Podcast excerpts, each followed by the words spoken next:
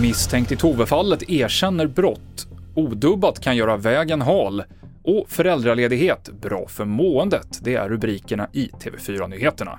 Vi börjar med fallet med 21-åriga Tove som hittades död i Vetlanda förra året. En av de två kvinnorna som har suttit häktad i nästan tre månader medger nu delar av händelseförloppet. Den misstänkta 21-åriga kvinnan som bor, eller bodde i den bostad där Tove dog, att hon nu erkänner brott mot gravfriden och misshandelsbrott, men nekar till att ha uppsåt att döda berättade vår reporter Mikael Nilsson. Den andra misstänkta kvinnan nekar fortsatt helt till brott, men båda omhäktades för mord och gravfridsbrott.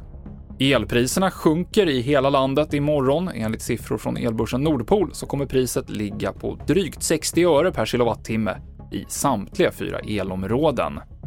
Flera vägsträckor i Sverige är för hala för att klassas som säkra, visar en undersökning från Statens väg och transportforskningsinstitut.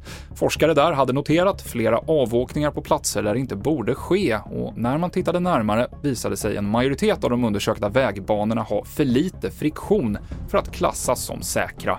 Och anledningen kan vara att färre använder dubbdäck. I Sverige så bygger vi vägar med, med väldigt hård sten och det, det gör vi för att de ska klara av dubbdäcken. Vi vill ha ett så litet slitage som möjligt och därför har vi hårdsten. När vi kör med dubbfria däck eller med sommardäck så gnuggas gummit mot eh, stenarna och då, då blir de lite släta. De får en polerad yta.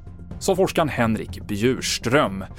Och ny forskning visar att föräldraledighet ger ett bra skydd mot psykisk ohälsa. Forskare vid Karolinska institutet och Stockholms universitet har sammanställt internationella studier från länder med garanterad föräldraledighet, bland dem Sverige, och man kunde se ett samband mellan längre ledighet och bättre mående.